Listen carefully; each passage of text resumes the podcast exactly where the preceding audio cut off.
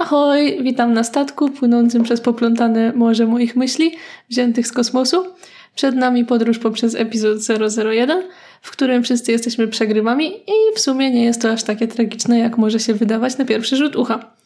Żeby zrobić taką wstępną wizualizację zagadnienia, o którym chcę dzisiaj mówić, opowiem Wam trochę o procesie powstawania tego podcastu, a raczej o tym, jaki był on nieefektywny i skazany na rozczarowania.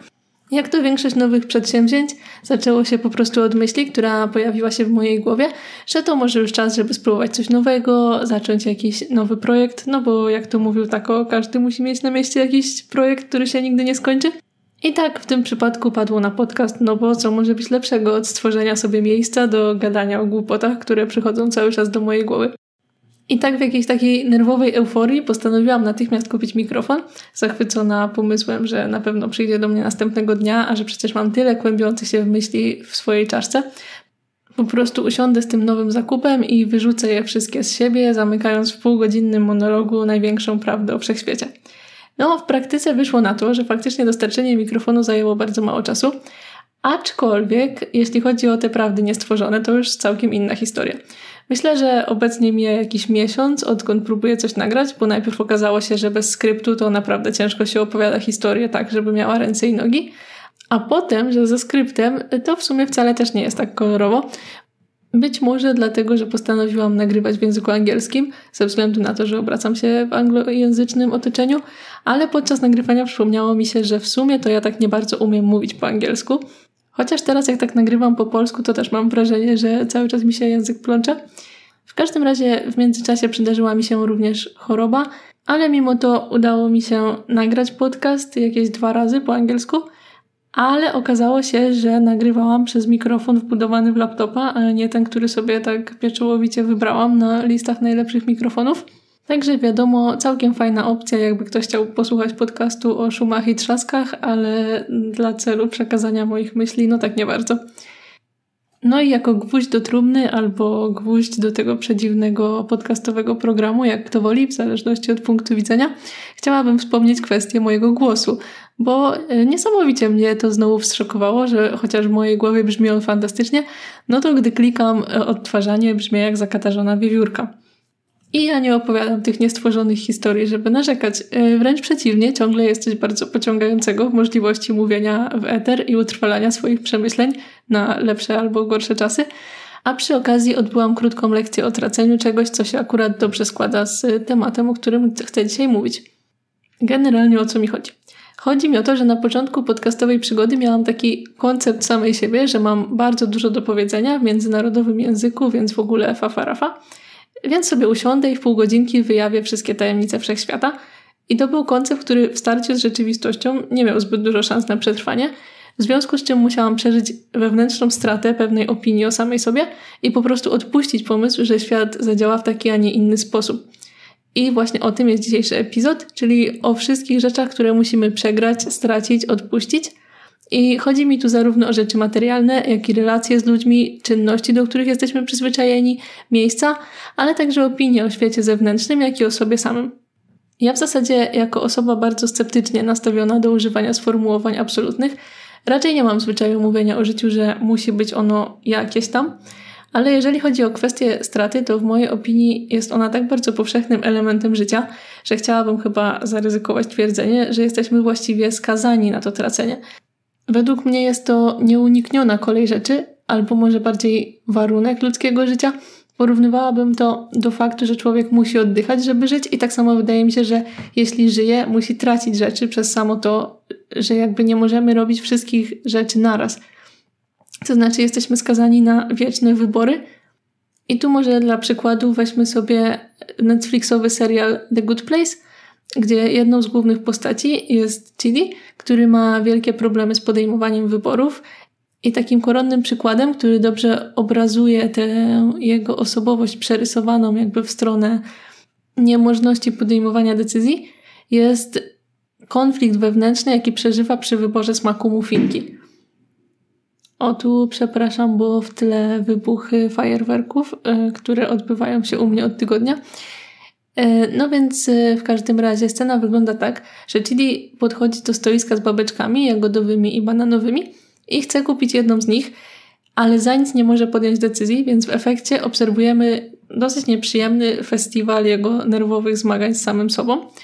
I tak sobie myślę, że chociaż wybór, którego musi dokonać, może wydawać się absolutnie błahy i nie warty jakichś wielkich rozważań, właśnie poprzez to przerysowanie pokazuje dobrze problem, który chcę pokazać. Mianowicie, że przez sam fakt nieuchronności wyboru jesteśmy skazani na utratę wszystkich opcji, które alternatywnie moglibyśmy przeżyć. To jest po prostu niemożliwe, żeby jednocześnie jeść babeczkę bananową i jej nie jeść. I ja wiem, że można by sobie popróbować e, hakowania rzeczywistości takimi trikami jak kup dwie babeczki i jedz je naraz, albo nie kupuj żadnej. Tylko to nadal nie rozwiązuje problemu, bo efektem jest nadal doświadczenie jednej wersji rzeczywistości i stracenie wszystkich innych. A jeżeli zostawimy w spokoju te nieszczęsne muffinki i spojrzymy na na przykład długoterminowe decyzje, no to po prostu na logikę to biorąc, przez sam fakt, że spędzę dzieciństwo trenując łyżwiarstwo, żeby zostać lodowym mistrzem w wieku lat 12, nie zostanę mistrzem kajakarstwa w tym samym czasie. I jak tak poruszymy nasze wesołe wyobraźnie, prawdopodobnie okaże się, że umiemy wygenerować całą masę alternatywnych życiorysów, które moglibyśmy przeżyć, gdyby nie fakt, że przeżywamy właśnie inny, ten, który przeżywamy. Więc to puste miejsce na jedno życie, jakie z jakiegoś powodu nam się przydarzyło, jest już zajęte.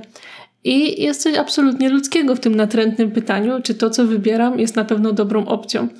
Właśnie przez to, że konkretne wybory nieuchronnie zabierają nam te inne możliwości, które moglibyśmy spełniać w tym samym czasie.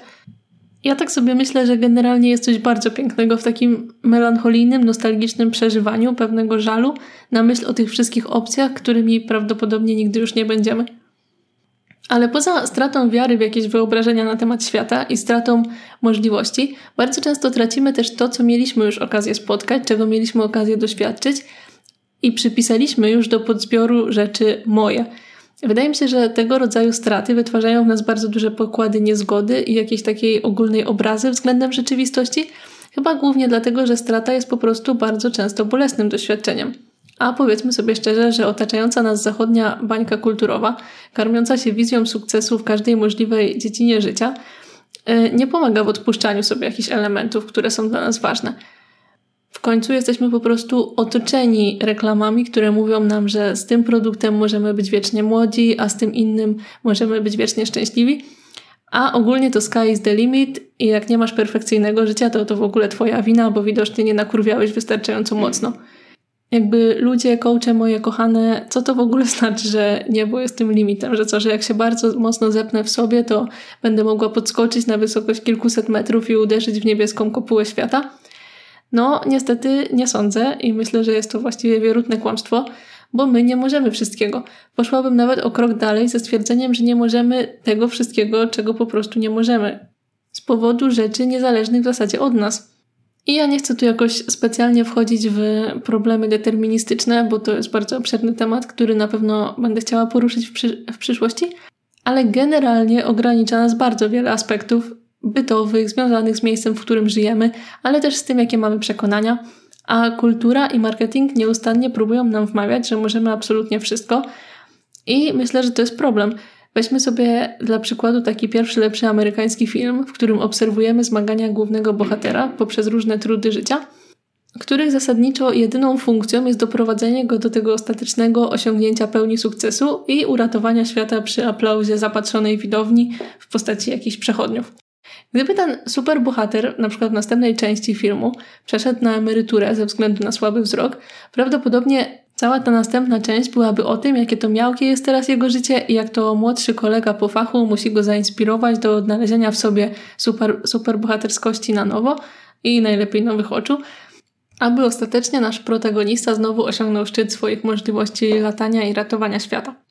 A ja tak sobie myślę, że no nie, nie każdy będzie super bohaterem, a już zwłaszcza jak stracił wzrok albo mu się wyraźnie pogorszył na starość. I zamiast takiego nerwowego dążenia do bycia numerem jeden albo już próbowania zatrzymania tego stanu na wieczność, myślę sobie, że dużo bardziej korzystnym może być po prostu odpuszczenie pewnych rzeczy, które się zakończyły. No bo przecież nie ma jakiejś jednej perfekcyjnej kombinacji składowych życia, którą już gdy osiągniemy, powinniśmy za wszelką cenę chronić przed utratą lub zmianą. Wszystko płynie i gdybym ja była tym superbohaterem, chciałabym móc spojrzeć na utratę superbohaterskiej pracy jako na jednoczesne otwarcie nowego rozdziału w życiu, który może być równie fascynujący ze względu na nowe, inne, nieznane dotąd doznania. I tak na marginesie nie chodzi mi wcale o to, żeby nie wracać w ogóle do rzeczy, które się kiedyś lubiło, czy do jakichś ludzi z przeszłości. Chodzi mi głównie o akceptację faktu, że rzeczy z przeszłości są już nieuchronnie skończone i nawet jeśli na przykład zaczynamy na nowo spotykać się z byłą partnerką, to tak naprawdę nie wracamy do tego samego związku, tylko budujemy zupełnie nowy, bo my już jesteśmy innymi ludźmi, świat się już zmienił i ta osoba się też zmieniła.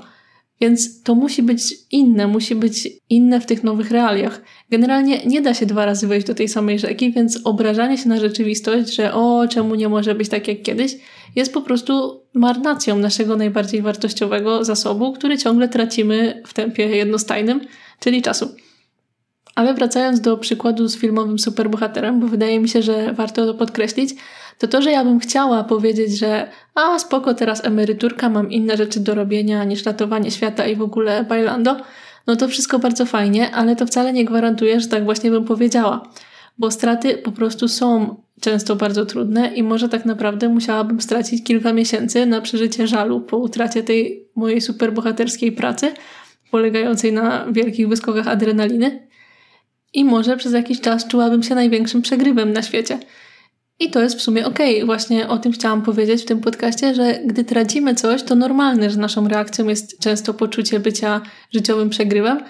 I myślę sobie, że wszyscy tak czasem się czujemy i bardzo nas to łączy jako ludzi, że jesteśmy właśnie jak taka tuptająca na kawałku skały rodzina przegrywów, ciągle i ciągle coś tracących. A źródłem tego bardzo emocjonalnego przeżywania straty wydaje mi się, że jest taka tendencja do bardzo mocnego wiązania się z pewnymi rzeczami, czyli takiego przywiązywania się do, do rzeczy, do ludzi, do miejsc. Tak jak na przykład w filmie Toy Story, gdzie Andy podpisywał swoje zabawki. Mam wrażenie, że my tak sobie trochę chodzimy po świecie i piszemy nasze imiona na różnych rzeczach, które znamy, które lubimy, albo które dają nam jakieś takie poczucie bezpieczeństwa i gratyfikacji. No bo kurde, to po prostu jest bardzo miłe powiedzieć, że o, to jest moje i to też jest moje i dlatego to razem tworzy taki mój świat.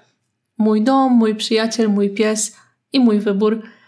A jak nagle te rzeczy, które nam się wydawały nasze, przestają się dawać tak określać, no bo już na przykład nie możemy ich dotknąć, albo się rozpadły, albo są gdzieś indziej, albo w ogóle nie są już nami zainteresowane, no to nagle mózg musi po prostu odczuć tą stratę, że nie może już sobie wyobrażać tej przynależności.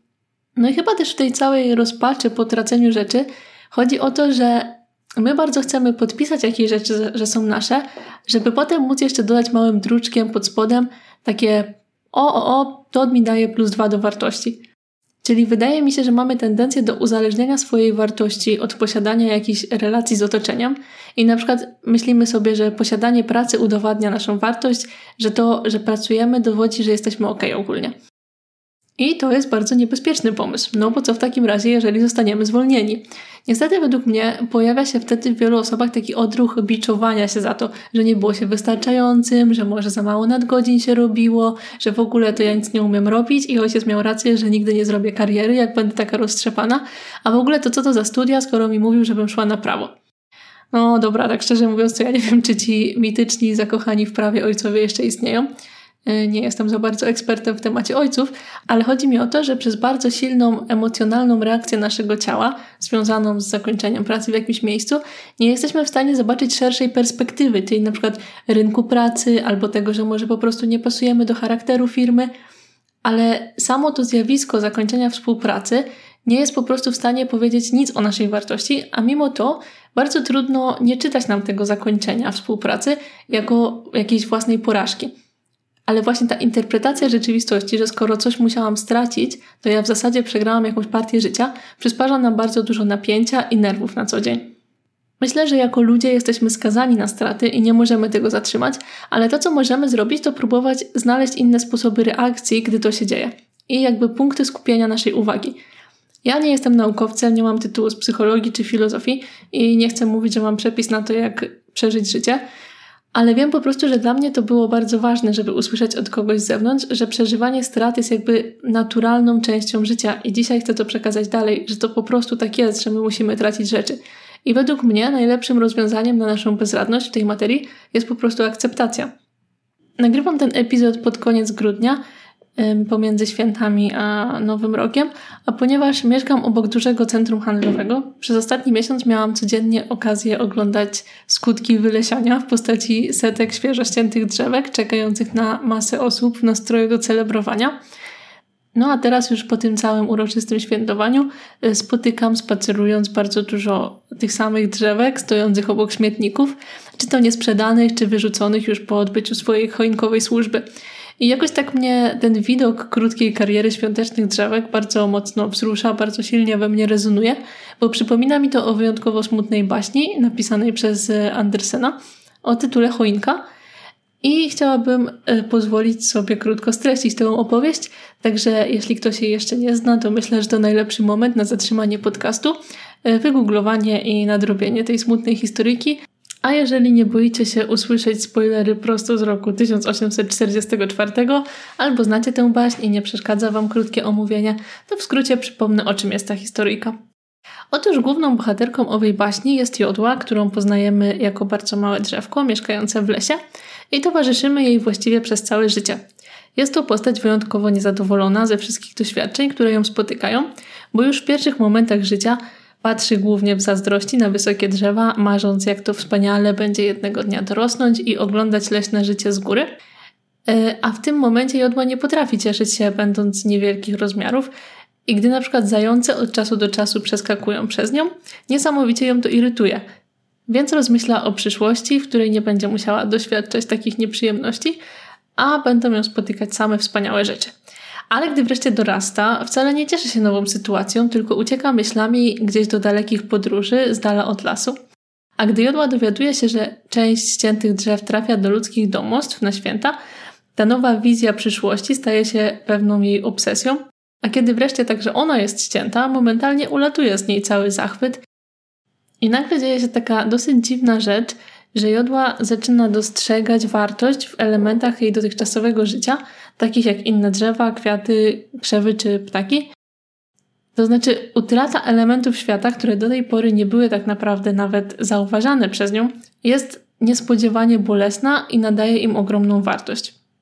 Ale oczywiście to nie koniec historii, bo wtedy zaczynają się święta Bożego Narodzenia i nasze drzewo poprzez dekoracje zostaje przeobrażone w piękną choinkę, aby wreszcie przez bardzo krótką chwilę mieć okazję objawić się światu w pełnej chwale. Ale jest to tylko króciutki moment, bo y, zaraz dzieci zrywają z niej cukierki i zabawki, a ona znowu popada w rozmyślania o przyszłości, która może będzie wspaniała.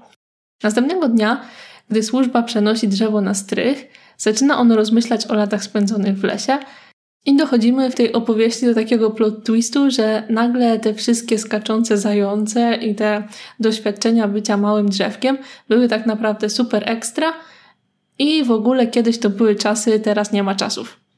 Myślę, że już bardzo wyraźnie można zauważyć pewien schemat postępowania naszej jodły, która nie jest w stanie cieszyć się praktycznie z żadnego doświadczenia w teraźniejszości, marząc ciągle o tym, żeby być gdzieś indziej, a potem, gdy z kolei jakaś zmiana faktycznie następuje, rozpływając się w smutku nad straconymi przeżyciami i chwilami szczęścia, które były niepowtarzalne.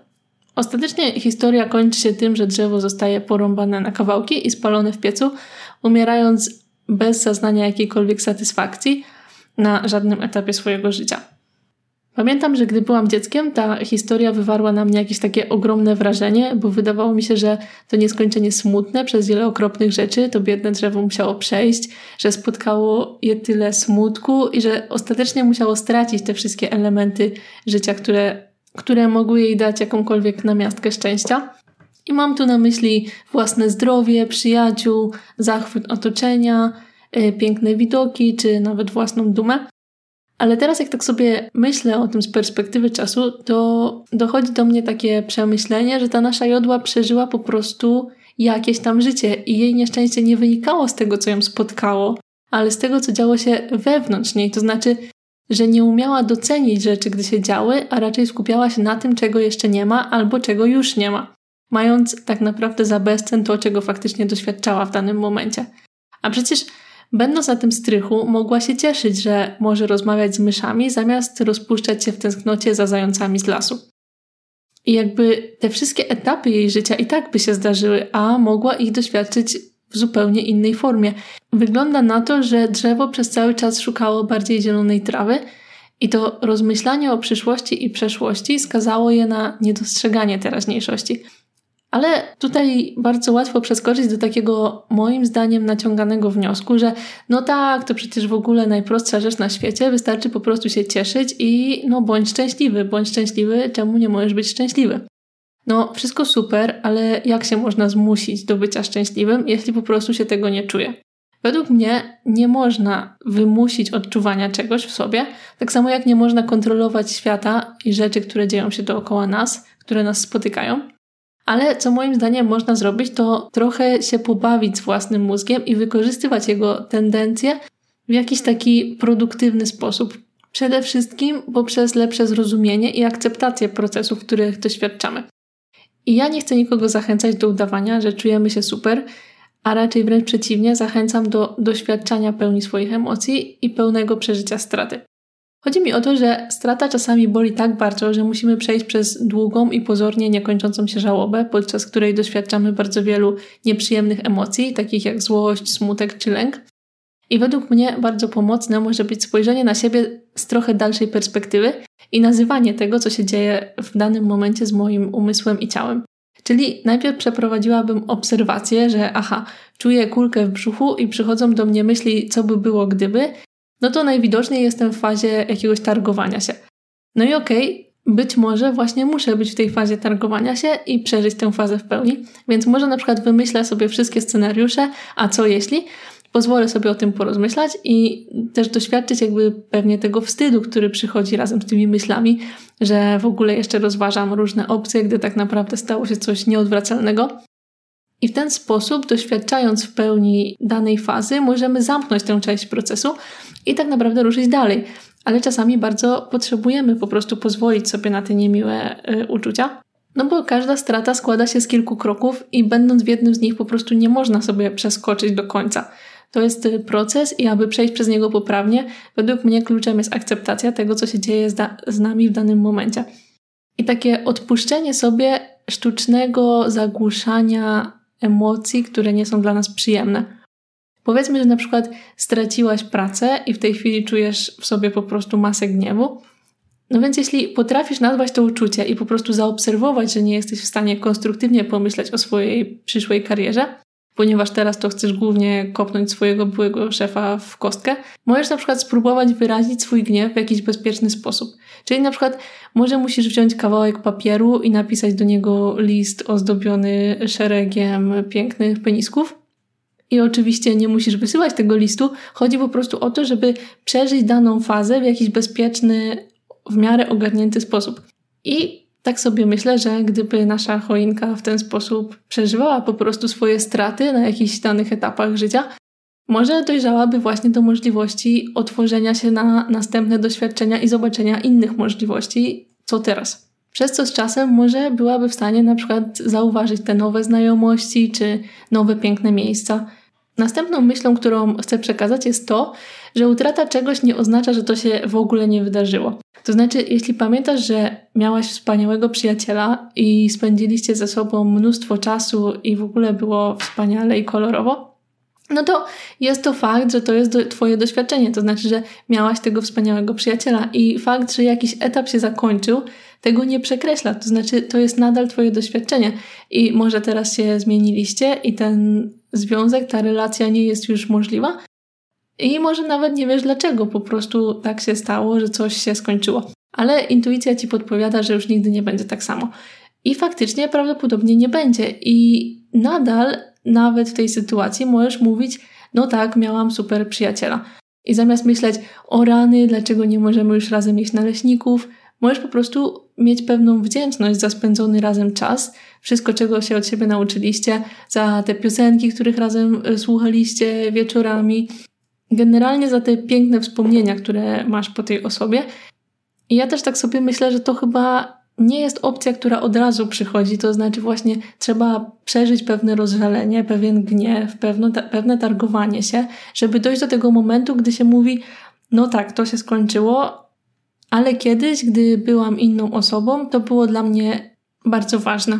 Wydaje mi się, że przydatnym jest w tym aspekcie opisywanie rzeczywistości dosłownie i bez dorabiania wielkich stwierdzeń. To znaczy, naprawdę kuszące bywa powiedzenie: O, nigdy więcej nie będę mieć przyjaciela, no bo z tym jednym już zakończyłam współpracę. Ale tak nie jest. Rzeczywistość jest taka, że teraz nie możesz się już przyjaźnić z daną osobą, ale to nie mówi niczego o Twoich przyszłych relacjach, to nie mówi niczego o Twojej wartości, to generalnie niewiele mówi o przyszłości, to mówi o pewnym stanie z pewną konkretną osobą w pewnym konkretnym momencie czasu. Więc chyba fajnie po prostu pamiętać, żeby umiejscawiać rzeczy w rzeczywistości, to znaczy właśnie nie wyciągać takich dorobionych wniosków, nie wyciągać wniosków na temat własnej wartości czy jakiegoś obiektywnego stanu świata, który już jest zafiksowany i się nigdy nie zmieni. I ostatnią rzeczą, na jaką wpadłam w tym temacie, jest używanie języka, to znaczy zrozumienie, że słowa, których używamy, mówią dużo o tym, jak myślimy o jakichś zjawiskach i też w pewnym sensie definiują naszą rzeczywistość. No bo my mamy trochę taką tendencję, że jak coś się kończy, to uznajemy to jako swoją porażkę, z czego wyciągamy wniosek, że to jest jakaś przegrana w, nie wiem, ogromnej grze zwanej życiem. I faktycznie tak może być, że strata czegoś jest przegraną, to znaczy, jeżeli jesteśmy jakimiś y, graczami szachowymi, no to faktycznie strata meczu jest przegraną tego meczu. Ale tak generalnie życie nie jest jakąś binarną grą, w której zyskujemy albo tracimy wirtualne punkty. Więc to jest po prostu niebezpieczne, żeby postrzegać stratę jako dowód na naszą porażkę, niedoskonałość i generalnie na to, że jesteśmy niewystarczający. Ja bym raczej proponowała patrzeć na to w kategoriach, które uporczywie starałam się tutaj stosować podczas tego podcastu, a więc jako na zakończenie pewnej części życia. I tutaj znowu proponuję po prostu opisywać stan, w jakim się teraz znajdujemy, mówiąc, że coś mamy albo czegoś nie mamy, albo że jesteśmy tacy, a nie jesteśmy już tacy. Czyli na przykład, jeśli mówimy, że mam 40 lat, a nie, że straciłem młodość, myślę, że to zdejmuje jakiś taki ciężar z naszych barków, że jest to tylko informacja, która nie ma tych wszystkich negatywnych konotacji dotyczących naszej wartości. No bo powtórzę się jeszcze raz, życie nie jest prostą grą przegranych i zwycięzców, a doświadczanie serii rzeczy, które przychodzą do nas i potem nas opuszczają, i po prostu potraktowanie tego jako takiej fali życia, która przychodzi i odchodzi, może przynieść dużo ulgi i tak naprawdę wyzwolić jakieś takie negatywne uczucia w nas. Wydaje mi się, że wtedy możemy zobaczyć ten cały proces jako coś bardzo naturalnego i zwykłego i coś, czego doświadczamy wszyscy. To znaczy, wszyscy jesteśmy w takim momencie, że właśnie coś straciliśmy, właśnie coś zyskaliśmy. Przed nami jest mnóstwo tych nowych doświadczeń, za nami jest mnóstwo tych starych doświadczeń i po prostu gdzieś w tym wszystkim płyniemy. Czy taka akceptacja życia jest łatwa? No, mi się wydaje, że generalnie nie, bo gdyby była, no to pewnie wszyscy byśmy to po prostu robili. Ale ja to sobie tak trochę wyobrażam, że zamknięcie czegoś i zaakceptowanie, że teraz mam w sobie trochę pustej przestrzeni, może być tak naprawdę bardzo piękne, ponieważ daje mi to możliwość odkrycia nowych rzeczy, przeżywania nowych doznań, po prostu przejścia przez kolejne etapy życia. Więc zamykanie tych poprzednich po prostu oznacza, że nie stoimy w miejscu.